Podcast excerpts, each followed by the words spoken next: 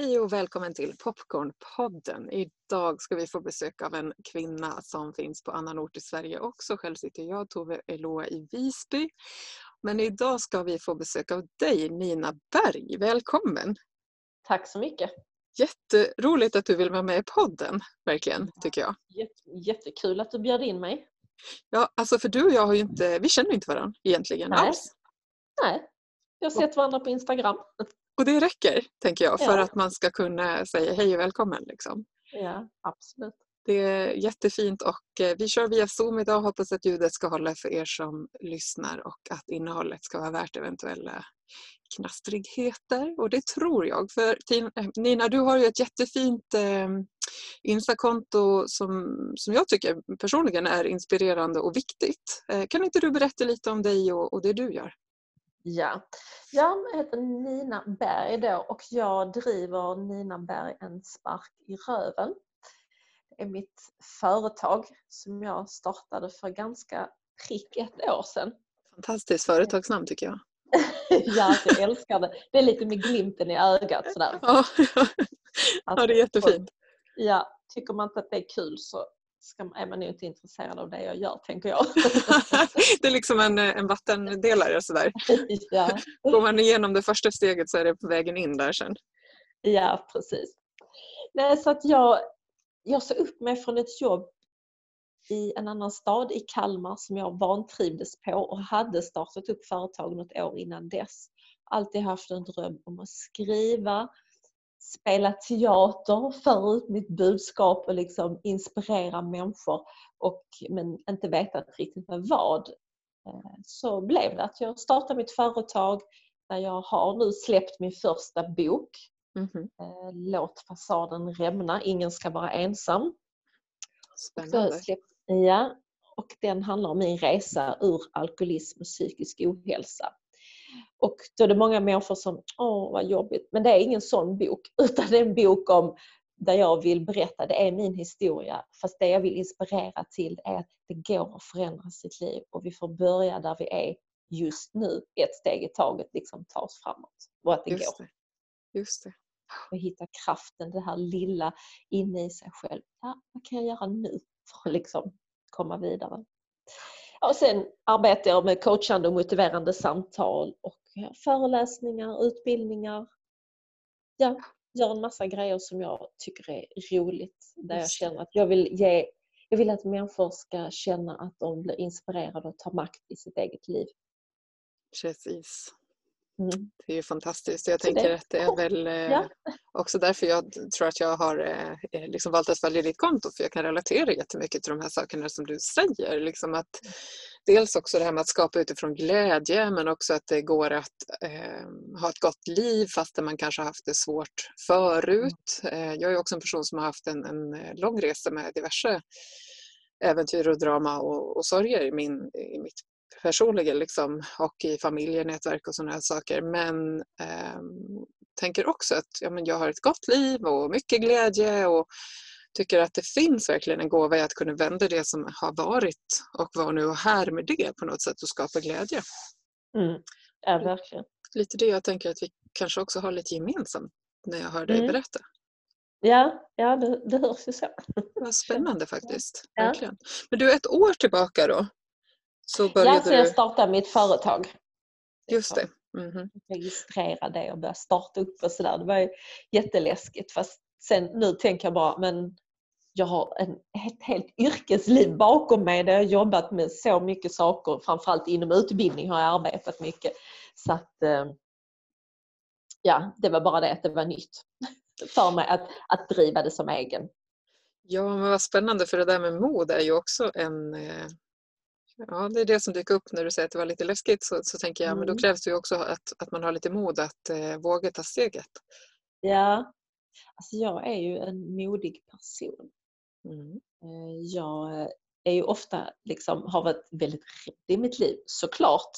Fast jag har någonting i mig som gör att när jag blir rädd så tänker jag, aha, då är det då jag ska göra det. Alltså om det inte är någon faktisk fara att det händer Nej. någonting på stan eller liksom någonting som är att det faktiskt, jag ser att det kan hända någonting så. Eh, Men Precis. just att utmana mig själv och komma vidare. För att när jag väl har gjort någonting som jag känner mig rädd för så kommer den här härliga befrielsekänslan av att jag gjorde det. Och då vågar jag göra nästa sak och det här blir ju det är en sån härlig känsla att vinna över sig själv på något sätt. Precis, vinna över rädslorna. De där som Mm. oftast i alla fall inte är sanna, tänker jag. Nej precis, utan det är ju en känsla. Men vad kan faktiskt hända Nina? Ja, men Ja, någon, någon kan skratta åt mig eller tycka jag är dum men det gör ju folk då. Om de ens gör det. För ofta kan vi Ja, ha en idé om om att de- de ska göra det men de har väl inte ens tid att kolla på oss, tänker jag. Ja, men exakt, folk har ändå så mycket upptagna med sina egna rädslor. Ja, jag tänker det, det är liksom det man får syn på tycker jag när man själv jobbar med sin rädsla. Eller jag ska utgå från mig själv, att jag har fått syn på det i mig i alla fall. Att, Mm. att ju mer jag har fått jobba igenom rädslor och, och de här liksom lagren av eh, ja, men otillräcklighet. För för mig så har rädslor ofta ihop med idén om att det inte skulle vara tillräckligt. Det jag är Mm. eller har, har varit Mm. och gjort och sådär. Och så inser jag liksom ju mer jag landar i de där frågorna att ja men herregud, det är ju otroligt självcentrerat att tro att alla ska ha tid att titta på mig och mina lyckanden och misslyckanden. De har väl inte tid men de har väl ett eget liv att hantera. Liksom. Ja, det Eh, spännande. och det bor ganska mycket frihet i det tänker jag. Ja, verkligen. Frihet är min viktigaste värdering. Att jag känner mig fri. Det, det är en ganska bra eh, nyckel eller ett ledord att ha med sig, eller hur? Ja, men absolut. Men Nej, du, eh, att jag, motsatsen till frihet skulle jag ju kunna liksom, eh, hashtagga in här på temat att du pratar om alkoholism och sådana saker. För mig så är ju beroendesjukdom eh, motsatsen till att uppleva frihet. mm. Eh, när man är aktiv så att säga. Mm. Kan du relatera till det? Ja, absolut. Jag var ju liksom fast i mitt eget känslomässiga fängelse av liksom besattheten av att jag, jag kunde inte föreställa mig hur jag skulle leva om inte jag gick ut och festade på helgerna. Alltså jag kunde inte förstå vad människor ens gjorde. Vad, alltså vad är meningen med livet? Alltså jag, Mm. När jag tänkte så här, om inte jag går ut ikväll, vad ska jag göra då? Ska jag kolla på TV? Det kändes helt vanliga Svenssonlivet liksom, som då jag såg det utifrån så verkade det så tråkigt att jag ville skjuta mig själv. Jag tänkte det går inte. Nej. Men jag går ut och bara dricker ett glas eller två. Fast det blev alltid tusen. Alltså det blev alltid så jag blev medvetslös och gjorde så mycket saker som jag fick så mycket ångest av. Och så gick helgen och så kom tisdag och onsdag hade ångesten gått över. Jag hade rätt ut alla saker jag hade ställt till mig. Och så kom helgen och så var det oftast en befrielse när jag hade min dotter för då drack jag aldrig, drack aldrig när jag hade henne. Då var jag hemma och hade mysig helg och jag var mysmamma och vi bakade bullar och sådär och så kände jag mig som en god människa och bra och det kändes skönt och jag fick koppla av. Och så kom helgen igen när jag skulle vara utan henne. Mm. Tänkte jag stannar hemma. Men det är liksom, jag, jag fixar inte det. Jag fattar inte hur det skulle gå till. Precis, det är så främmande att det inte ens går att föreställa sig eller kanske inte ens att man vill föreställa sig. För varför skulle man? Kan det till och med vara så? får, ja, nej, ja, men för du kan gå på bio. Jag, eller jag tänkte jag kan gå på bio, jag kan göra det. Ja, men sen kan jag gå ut och dricka. Alltså, Ja, ja Liksom. precis. hela tiden det där äh, att alkoholen fanns i mitt medvetande hela tiden. Den här besattheten du eh, nämnde, Mm. det är ju en av kriterierna tänker jag, att vi, att vi får en upptagenhet som är eh, ja, men tvångsmässig på något sätt. Ja, och så hela planeringen innan. Mhm. Var är den? Vad ska jag handla? Om jag dricker så många där och så många där så blir jag inte så full. Om jag gör så Mhm. och gör så här så kanske jag inte blir så full. Mm. Men det blir blir alltid lika full. Oavsett om jag hade pengar eller inte pengar. Eller, alltså, oavsett var jag var någonstans blir jag alltid lika full. Man Ja. hittar sina sätt. Verkligen. Ju Men du, många- du har ganska många år nykter nu. Ja, jag firade 14 års rak nykterhet i mars. 14 år, grattis verkligen. Ja, tack. Det är lång skönt. tid i nykterhet. Mm. Fantastiskt. Men du, hur, eh, hur är den resan? Jag tänker 14 år är ganska liksom, lång tid i, i tillfrisknande. Vad, hur, hur var vägen in i, i Alltså tillfrisknande? det, man säga bör, det började att jag blev nykter när jag blev 28, var nykter i sex år, utbildade mig på högskolan, blev av med panikångest i terapi, eh, tog hand om min dotter. Och när jag varit nykter i sex år så tänkte jag, att jag är nog inte alkoholist. Jag mådde nog bara så dåligt så att jag drack för att jag mådde dåligt. Mm. Så att jag, eh, jag började prova att dricka lite grann. Och det gick ju bra en kväll och två kvällar. Men sen var det tillbaks på exakt samma ställe. Alltså jag fick sådana blackouter. Jag skulle nästan vilja säga att det var värre än innan. Mm. Och då drack jag inte heller så ofta, kanske en gång varannan vecka, var tredje vecka. Men jag blev så kanonfull. Liksom, så, och då, då mådde jag ännu sämre med ångest och så, för då hade jag varit nykter i sex år och min dotter var då 15 år. Mm. Och jag hade en bag-in-box i köket och den var ju liksom som att den levde och pratade nästan med mig. Liksom. Mm. Mm. Att den var där.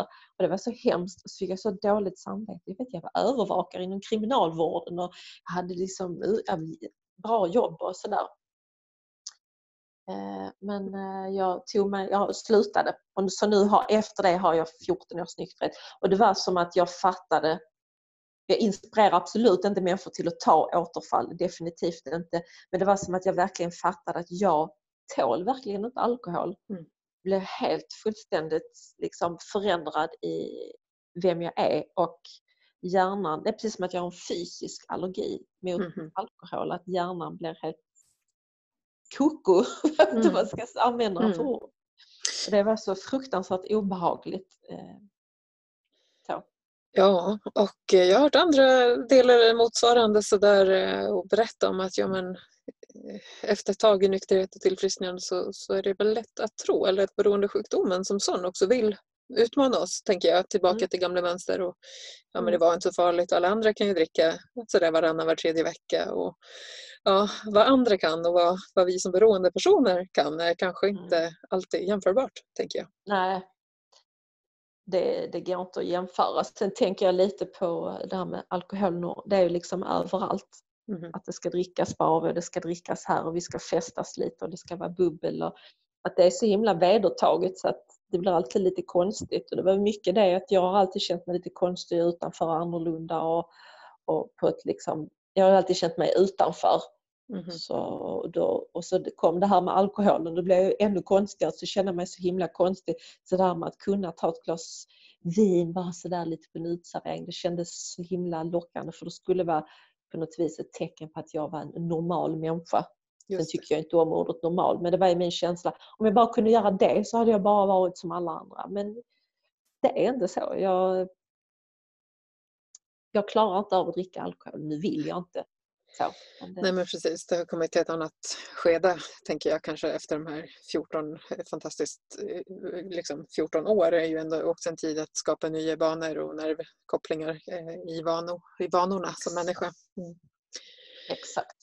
Mm, med all respekt för att det fortfarande säkert mm. är en daglig, eh, ja men ett, ett val att göra gissningsvis. Ja, det är ju liksom inget, absolut inget, jag tänker inte på att jag inte dricker längre. Fast däremot så är jag aktiv i att ta hand om mig själv och ja, men det med att sova och äta bra mat och vara aktiv i att må bra, vara uppmärksam. Jag har, även medberoendet varit på en behandling för det för många år sedan, 15-20 år sedan. Och, ja, men mm. vara uppmärksam på vilka relationer mår jag bra och inte och liksom ta hand om mig själv. Just det. Så att jag inte liksom tappar bort mig. Om man ska uttrycka det så.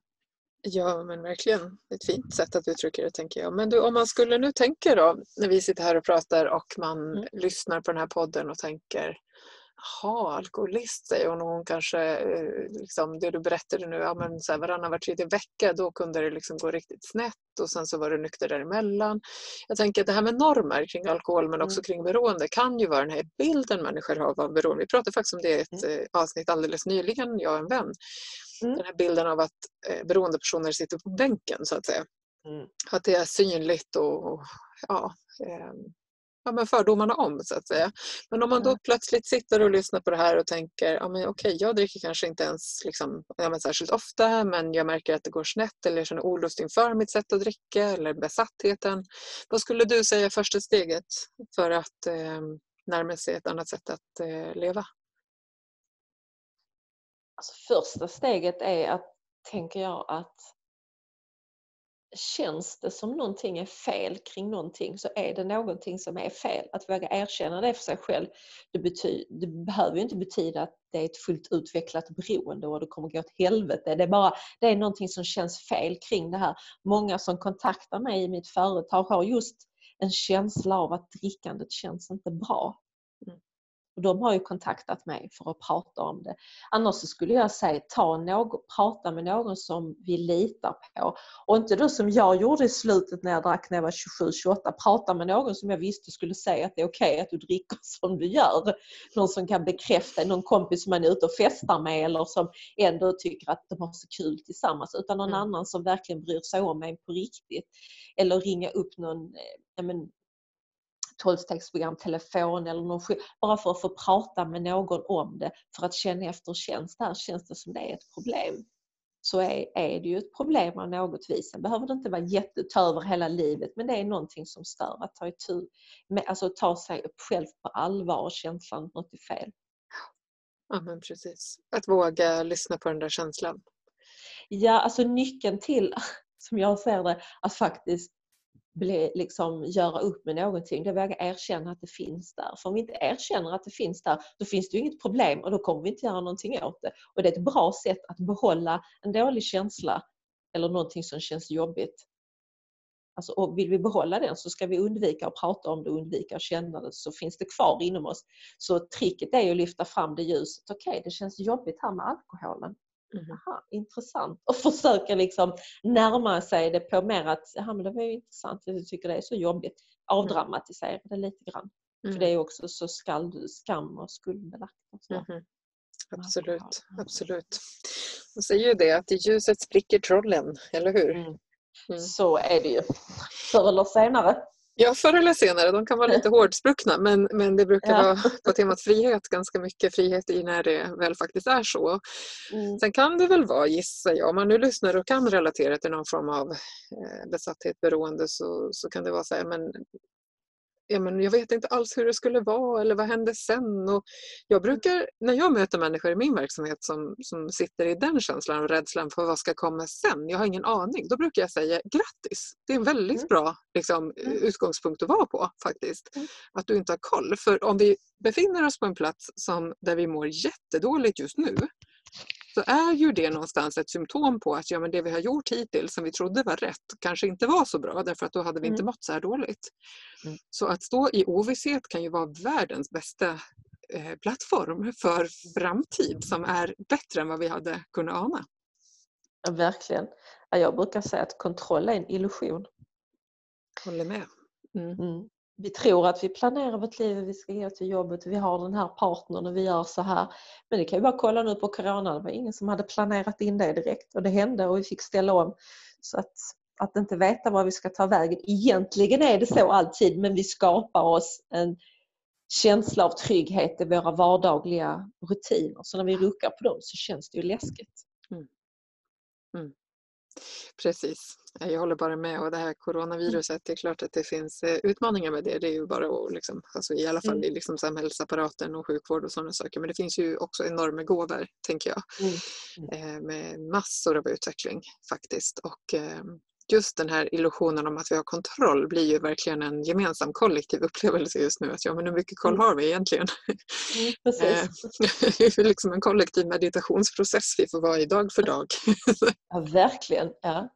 Jag, tycker jag, upplever så, jag tycker jag upplever så mycket gemenskap på ett helt annat sätt nu. ah, vad spännande, jag kan hålla med. Absolut. Och mycket det här att man möts online och ja, socialt finns det en, en, eh, ett community i alla fall. Liksom. Mm. Spännande verkligen. Mm. Ja, alltså jag tycker, fast, ja, jag är också så van vid att ha haft så mycket kaos i mitt liv så att jag är rätt så van vid och jag blir alltid rätt så lugn och tänker att ja, det ordnar sig. Alltså, this too shall pass. Liksom. Ja men eller hur, du har övat liksom. Så en liten coronapandemi är, är lugn. ja, och sen har jag all, res, liksom, all respekt och förståelse för att människor är olika och vi är olika tränade. Jag pratade med en ungdom nu för ett tag sedan som sa att det påminner om kriget i Syrien när de var tvungna att sitta inne och fick liksom prata med det. Så vi har ju olika erfarenheter mm. med oss som gör att vi påminner om saker. Det behöver vi liksom såklart ha respekt Ja, för. verkligen. Och, eh, jag har tidigare spelat in något avsnitt om just coronaviruset också och där jag också verkligen eh, sett ord på det att eh, jag kan ju för egen del så tillhör jag ingen riskgrupp. Det är klart att jag har ett nätverk där det finns personer som gör det men eh, bara för att jag nu inte känner mig rädd så kan man ju ändå ha respekt för och också mm. förståelse för att det här triggar olika eh, känslor i olika människor. Eh, mm. Och så är det och var och en har rätt till sin känsla, tänker jag. Att få uttrycka ja. den och hedra den, tänker jag, mm. blir viktigt. Exakt, så brukar jag säga. Men du, ehm, på tal om coronaviruset så såg mm. jag, jag vet inte om det är sant, men jag läste, mm. tror jag på DN kanske det var, att alkoholförsäljningen har gått upp i Sverige under den här tiden. Mm. Ja, Vad tänker du om det med dina skills på alkoholberoendefronten? Alltså jag tänker att det är de som tenderar att dricka för mycket och liksom koppla av och stressa av med alkohol gör det i högre utsträckning nu för att de kanske blir stressade. Mm. Eh, och eh, jag läste en artikel eh, om just det här, vem ser barnen i coronafyllan? Att barn som, som tonåringar till exempel som inte går går till skolan längre tvingas att vara hemma tillsammans med familjer eh, och att de ser eh, större behov på hjälplinjer för kvinnor som är utsatta för våld och sådär. Mm. Så att jag tänker att eh, om folk är vana att bedöva sig med alkohol så gör, fortsätter de göra det nu och nu ska dessutom familjerna tvingas vara hemma. Mm tillsammans. Det mm. tycker jag, det får jag ont i magen på så att jag tycker att det är jobbigt. För det är, jag tycker det är jobbigt annars. Det är som 500 000 barn i Sverige mm. som lever med varav minst en förälder har alkoholmissbruk eller psykisk ohälsa. Och då tänker jag, då är det ju liksom spänningar i familjen och oro och, och sådär mm. i hela familjen. Mm. Det tycker jag är jobbigt. Ja men precis, för alkoholism är ju inte en persons eh, sjukdom heller så att säga. Nej. Det är en jättestark familjesjukdom eller ett nätverksperspektiv i eh, beroendesjukdomarna. Eh, okay. Verkligen minst sagt. Och jag tänker faktiskt att när, jag sen, eh, när vi delar nu det här den här podcasten så skulle vi väl kunna tagga några olika stödfunktioner. För jag vet ju att det finns bland annat på Instagram för de som vill, jag tänker om man nu riktar sig till barn så finns ju något som heter Trygga Barnen till exempel. Som är jättebra och det finns också, tror jag, eh, vuxna, va? Trygga Vuxna, känner du igen? Ja precis, jag har kontakt med dem, eh, Trygga Barn. Och även med maskrosbarn. Precis. Ja. Så just att det här också kan vara... Eh, min önskan är ju mycket med att prata om de här sakerna handlar ju mycket om att normalisera eftersom det du var inne på också, det här med skammen och skulden, att det finns otroligt mycket eh, locket på i de här eh, frågorna och jag är själv uppvuxen i en, en, familj med en pappa som drack för mycket och det var ju en superfamiljehemlighet i, i väldigt många år. Han mm. var en fantastisk man men han var alkoholist. Liksom. Och, eh, det där var ju liksom sånt som mina bästa vänner inte visste förrän jag gick i gymnasiet. Och sen var det väl inte lika illa alla år men det var några år som det var ganska tufft. Liksom. Mm. Och trots det eh, så var det jag och någon annan vän, jättenära vän som i så här, gymnasieålder kom fram till att både min pappa och en av hennes föräldrar var eh, alkoholister. Så, mm. det, så det här döljandet, jag tänker att det är det som jag kan vara mest orolig över och det är därför det blir så viktigt att våga dela om. Mm. Um, och ja, det var därför jag skrev min bok, för att jag kände nu räcker det. Nu får vara nog. Ja. Nu, ja, precis. Nu sätter jag ner foten med det här. Så för att jag tänker att om folk vill titta på mig och säga, men du ser inte ut som en alkoholist. Jag bara, nej hur ser de ut? Ja, men, ja, hur ser en alkoholist ut? Det har jag tänkt på ja. faktiskt. Ja. Jag har tänkt på det också, att jag ska fråga någon någon gång. Ja. Du kan få svara du som lyssnar på den här podden. Så här, hur ser en ja. alkoholist ut? För det är också precis som du sa innan, det här med A-lagaren på bänken är ju den traditionella bilden och vad kan det vara, 10 procent? För det börjar ju inte där, det är ju en lång nedåtgående spiral av drickande och dåligt mående ända till de hamnar där. Min pappa mm. var ju där innan han dog. Mm. Mm. Så. Mm. Men han var ju en jättefin, fantastisk person och, och sådär. Och så var han full och så var han nykter. Och det, sådär. det blir ju... Alltså, det är därför jag också vill hjälpa människor med detta som du säger, normalisera det. händer överallt.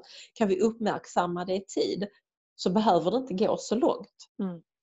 Och att alkoholismen är den enda sjukdom som folk förnekar att de har, eller beroende. Så. Mm. Mm. Nej, men fast man mår jättedåligt så fortsätter vi i alla fall. Liksom. Jag kan också tänka att eh, jag är socionom i botten och har ju ett gäng år inom socionomyrket på olika sätt. Och eh, jag tänkte på det nu i eh, våras, höstas, ja men här för något halvår sedan så, så gick jag en utbildning i MHFA, första hjälpen psykisk hälsa, som är tilläggsutbildning i självmordsprevention och förebyggande av psykisk ohälsa. Och mm. där har man i den utbildningen faktiskt, eh, och det, det förvånade mig lite men positivt alltså, att man i den utbildningen hade med substansberoende. Ja. Ehm, jag var faktiskt inte riktigt beredd på det därför att jag upplever att man ofta gör psykisk ohälsa till någonting annat än beroendesjukdom. Mm. Kan du relatera till det? Att man ja, jag vet inte. två olika spår så att säga. Jag tänker, alltså jag tänker så här, har någon, någon ett beroende så har de också psykisk ohälsa. Exakt. Mm. Ja, alltså jag tänker jag... inte att oh, jag är alkoholist och jag dricker jättemycket men jag mår jättebra. Alltså, jag, vet inte, jag har aldrig träffat på en sån. Nej, inte jag heller. Men jag kan uppleva att man lite grann inte pratar om beroendesjukdom ja. som psykisk ohälsa. Att det har blivit mer legitimt att prata psykisk ohälsa, självmordsprevention mm. medan beroende är någonting annat. Mm. Ja, så jag kan jag uppleva det lite i, eh, i, samtalet i, i samhället. Sådär. Ja, det, det håller jag med om. Så eh, positivt överraskad att det faktiskt kom mm. med, att det lyftes upp i ljuset på temat skam och, och liksom normalisering, att man väljer att prata om det i, eh, i den typen av utbildning faktiskt, tycker jag. Ja, vad bra, för det är också någonting som har provocerat mig. ja, jag kan tänka mig det. Nej, ja. men det, det är verkligen spännande.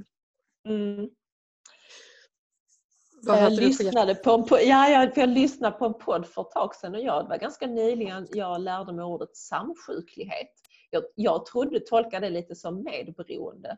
Just det. Men det är ju om, ja du vet kanske om jag säger det för någon som lyssnar inte vet, det är ju om jag förstod det rätt att jag är alkoholist och jag har ångest och jag har någon annan liksom, sjukdom så är det samsjuklighet.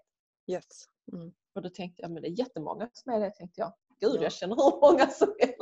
Ja, men absolut. Jag ja, så skrattar jag, men det är liksom en del av, eh, av hela, apropå att varit nykter länge, en, en grej, de sakerna som var så mycket ångest för och jobbigt för och liksom att bibehålla nykterhet eller vara fri från beroende. Att faktiskt kunna titta bakåt och tänka, det här jobbiga, svåra, fruktansvärda då, det kan jag titta på idag och jag kan skoja om det. Ja, ja precis. Det är väl fantastiskt. Ja, hur lång tid i, i nykterhet tog det innan du kunde börja titta tillbaka på det sättet? då? Var det omedelbart eller tog det månader? Tog det år? Eh.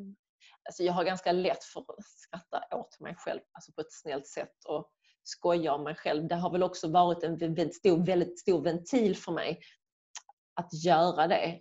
Eh, jag tycker själv att jag är väldigt rolig. Vad härligt att du själv tycker det. Det är ju extra kul då att vara med sig själv. Ja, men det är ju, jag kan skratta åt mig själv hemma. Men Nina, men gud hur gjorde du nu? Fast på ett kärvänligt sätt som jag skulle säga till någon liksom, nära vän. Och sådär. Ja men det är fint. Det, ja. ja men det är ett skönt sätt att få distans till saker och ting. Men, ja, men det där var ju lite tokigt nu blev det inte så bra som du hade tänkt dig. Men jag gör om det nästa gång och så skrattar jag lite. Så, det har jag alltid haft ganska lätt för och jag tror att det har varit min räddning att liksom bakom eller liksom parallellt med min alkoholism och all ångest, alla panikångestattacker och destruktiva relationer där jag varit utsatt för övergrepp och allt möjligt så har jag väldigt jag har någon kärna i mig som är ganska glad och stark. Mm -hmm. Sen har jag ju byggt på den själv ja, genom samtal och coacher och allt möjligt. Alltså jag är väldigt tacksam för det och att jag har mycket energi i mig själv. Så nu när jag inte har ont någonstans och jag är frisk, alltså jag har dubbelt så mycket energi som min sambo som är helt vanlig. han är helt vanlig. Hur är det för honom då? Vad säger han om din energi? alltså, nej, alltså du har jättemycket energi, sa han. Mycket mer än mig. Jag bara, ja, jag vet. Fast det är allting jag har gått igenom som jag har befriat mig från. Liksom. Det blir så mycket över. Jag inte Precis. behöver hantera alla dåliga relationer och bakis. Ja, så det är så skönt. Och den känslomässiga bakis. Ja, precis. Det är så skönt att slippa. Bara det gör mig glad liksom, att tänka på att jag är fri. Ja, vad fantastiskt. Ja, det mm. låter jättehärligt. Jag tänker också att det säkert ger hopp till, eh, till den som lyssnar som eh, eh, ja, kanske inte känner det riktigt sant i sig själv just i den här stunden. Liksom, men att det faktiskt mm. finns en väg fram den är inte alltid spikrak eller lätt men, men det går, går att hitta ett annat sätt, tänker jag. Absolut inte spikrak. Jag har sprungit in i mina väggar och eh, relationer som har varit dåliga för mig i nykterheten. Mm. gjort saker som inte har varit bra för mig Fast jag har liksom inte tagit åt utan jag har varit nykter från alkoholen men jag har gjort andra saker. Och så tänkt okej okay, det här blir inte bra men hur kan jag göra det bättre nästa gång? Och så hitta den där förståelsen för sig själv. Att, eh, alltså förstå mig själv. Jaha, gjorde jag så? Men jag gör det bättre nästa gång. Inte vara hård mot mig själv och vad jag är dålig och jag är liksom det här som jag höll på mycket med för självföraktet och så. Det är helt borta. Jag blir nästan ledsen, eller nästan jag blir ledsen när jag tänker på hur hård jag var mot mig själv och när jag hör andra människor prata om sig själv på ett hårt sätt mm. så vill jag genast hjälpa dem att vara mer snäll och förstående mot sig själv. Mm. mm. Ja, fint att du säger det för jag tänkte nästan att jag skulle fråga om det alltid har varit så där med självomsorgen och det här liksom humoristiska. Nej, men hur tänkte du nu? Men att det är mer kärleksfull energi till sig själv kontra den här eh, självkritiken som kan vara för väldigt många människor. Nej, men varför är det så här nu då? Varför gjorde jag så? Och, ja, det låter då, tolkar jag rätt, att du har fått jobba lite med det men att självomsorgen har blivit starkare med tiden eller? Ja, den har absolut blivit starkare med tiden. Jag har haft, alltså i och med att jag började ju hela min resa med alltså banta när jag var 11 år, haft mycket självfrakt, liksom tyckt väldigt illa om mig själv, varit väldigt sträng mot mig själv och hård. Och sen så någonstans inom mig så har jag känt att det här är inte bra. Så jag har haft det här som jag har idag som är starkt, att jag tar hand om mig själv. Det har jag ju fått jobba jättemycket på. Jobbat mycket med tankar. Mm. Eh, och jag är väldigt målinriktad och systematisk när jag bestämmer mig för någonting. Så att, eh, men det har jag inte heller alltid varit utan det har kommit efterhand. Jag började med att vara nykter och började med att skriva tacksamhetslistor. Och började med att vara snäll mot mig själv och lyssnat på andra människor som har gjort stora förändringar i sitt liv som verkar må bra. Vad har de gjort för någonting? Så jag har kunnat plocka in olika saker och provat mig fram. Just det, att våga prova och titta sig omkring mm. vad andra har gjort. Ja, men den människan ser ut att må bra. Jag undrar hur den liksom, och var nyfiken på hur andra gör. Människor pratar ju jättegärna om sig själv. Så det är bara att fråga på liksom. Ja, det är sant faktiskt. Och jag tror att de flesta människor har också gåvor att ge av det man mm. har upplevt. Att, som vi var inne på i början, att vad vi än har varit med om också av inte bara lätta saker utan också av utmaningar så finns det enorma gåvor där att ge vidare mm. till andra. Ja, det är nog min viktigaste, eller en av de viktigaste sakerna jag vill ge till människor. Det är att vara snäll mot dig själv. Mm. Så. Var inte så sträng utan blir det fel så titta på vad som hände och vad du gjorde och hur du kan göra annorlunda nästa gång och sen krama om dig själv och liksom gå vidare. Man behöver inte slå ihjäl sig själv mentalt för mm. att det blir fel. Liksom. Mm. Och det är också givetvis en träningssak. Fast eh, jag tycker att det är så himla viktigt. För kan vi vara snälla mot oss själva så blir vi ju per automatik också mer förstående och snäll mot andra. Mm. Mm. Det börjar ju där, tänker jag. Mm. Ja. Att vara kvar med sig själv och, och ehm, hedra sig själv och sin, sin upplevelse, tänker jag. Mm. Och I beroende och i medberoende, som vi också var inne på, så är det ju lätt att, att vrida ner volymen en hel del på det. Mm. Och döva och eh, ja, trycka undan eh, impulser man själv har för att det ska passa in i, i någon annans liv eller sådär också. Tänker jag. Så att mm. För många människor är det här ju som att be dem att uttala något så ryskt ord. Att de förstår inte, mm. men vadå? Vad menar du? Liksom? Och jag kan ju säga det för att jag själv har upplevt det. Eh, mm. Men just att det faktiskt är möjligt. Jag tycker det är helt fantastiskt vad vi människor är förmögna att eh, omskapa och omdefiniera mm. och eh, ja, skapa nytt. Ja, och sen jag börjat läsa för liksom ett par år sedan, nu fem, sex år sedan, börjat läsa om hur hjärnan funkar och hur vi kan förändra beteende. Jag bara wow! Det finns liksom hur mycket som helst jag kan göra själv för att må bättre och att hjärnan liksom är så funtad så vi kan ändra våra beteenden. Mm. Framförallt hur jag blev fri från min panikångest. Liksom bara genom att tänka annorlunda så är jag helt fri från den. Jättespännande. Ja, det är så spännande. Hur var det, är det något som du kan dela eller det, hur ser det alltså, ut? I korthet, alltså, om, man ska, om vi ska förenkla det väldigt mycket, om vi ska förenkla det så är det egentligen så att i en panikångestattack försöka hitta vad är det du faktiskt känner i ångesten. Försöka sätta ord på känslorna som ligger bakom ångest. För ångest är ju som en stor geggamoja av massa känslor som vi inte riktigt vet. Mm.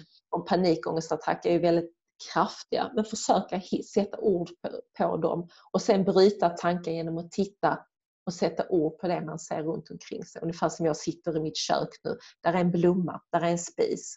Så du sätter ord på känslorna, bekräftar känslorna och sen bryta tanken. För det börjar alltid med en tanke, fast omedvetet för att tankar är ju så himla snabba. Mm. Och det, där, det är inte så att det är ett mirakel att det funkar med en gång, men över tid och träna på det varje gång, sätta ord på känslorna. Så kan vi också släppa dem. Så bryter vi tanken och sen mm. så lär, lär vi oss känna oss själva och, och sådär. Och då blir det, då blir det liksom inte så farligt. Mm. Precis, de får inte lika stark kraft över oss, de där snabba tankarna, tänker jag. Nej, för att hjärnan associerar ju till saker och känslor. Jag har haft bara bam så kom det en känsla och så fick jag panikångestattack. Och sen har jag förstått att den personen påminner om saker jag var med om när jag var liten, när jag var väldigt utsatt och då blev jag så rädd så, som om, och då blev det som om att det var verkligt fast det kanske hände 20 år tidigare. Mm. Så det behövde jag ju förstå och titta på liksom, tillsammans med någon annan för att sen kunna jobba med så att jag kan hantera det som dyker upp idag som är gamla känslor som blir aktiverade. Ja, och att göra det i ett tryggt rum tänker jag. För mm. att när, när nervsystemet felsignalerar på det sättet så är det ju också en koppling från någonting som inte var tryggt, som blev för eh, belastande för oss i, rent biologiskt. Mm. Nervsystemet blir eh, går in i, hot och flykt mm. så att säga. Och jag tänker att i, i den där situationen när du sitter i ditt kök och kan i lugn och tryggt rum titta ut över din blomma och din spis så är ju det där inte en eh, en, en, eh, upplevelse kroppen faktiskt behöver. Det finns ju ingen fara. Men Nej. att felsignalen är så stark att det känns väldigt sant, tänker jag. Och då blir det väl en jätteviktig övning på temat meditation och snabba tankar som också är liksom ingressen till den här podden. Att mm. Det du säger är jätteviktigt verkligen att, att eh, öva på även om man inte har panikångest, även om man inte har ångest. Alltså att få öva i en vardag när det är lugnt också. Ja. På att vara här och nu och titta sig omkring och känna förnimmelsen av en hand mot den andra handen. Alltså att mm eh, var, göra det mjukt med sig själv och inte känna nej fan nu lyckas jag inte med det här heller. Sådär på temat självkritiken. För det tror jag är jättelätt hänt verkligen. Ja. Ja. ja. Exakt. Jag lär ut sånt till mina klienter. Små övningar som de kan göra i vardagen som är jätteenkla liksom små, typ som meditation, kroppsskanning. Bara så här enkelt bara för att träna på och sätta ord på känslor och vara här och tänk snälla saker om dig själv. Alltså mm. ge sig 5-10 minuter om dagen till det på morgonen. Helst innan sätta på mobilen och ingenting annat utan bara, var är jag just nu? Vad mm. behöver jag idag? Ja. Sådär. Precis, och att få en guidning i det och också mm. förståelsen om att det ger effekt även om det inte känns som att det ger effekt kanske dag ett. För faktum är ju att, att vi kan behöva få vänja oss lite med det där också. Men, ja. Eh, ja. men jättespännande att vi kom in på det och jag tänker att det här med mm. ångesttillstånd är också det, det är ett helt eget avsnitt verkligen för att det är så, ja. så viktigt. Det är jättevanligt. Jag tror att mm. man pratar statistiskt alltså att var tredje kvinna genom sin livstid får en ångestsjukdom. Alltså då inte bara oro, ökad stress, liksom, ångestfeeling utan diagnos inom ångestsjukdomsspektrat, var tredje kvinna.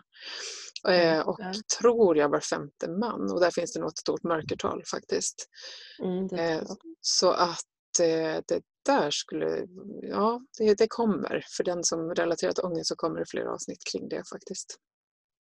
Ja, det är så vanligt. Jag gör ju filmer och så till mina sociala medier. Jag la upp ett för det är länge sedan nu. Så här kan du hantera en ångestattack eller ångest. Alltså har hur mycket visningar som helst.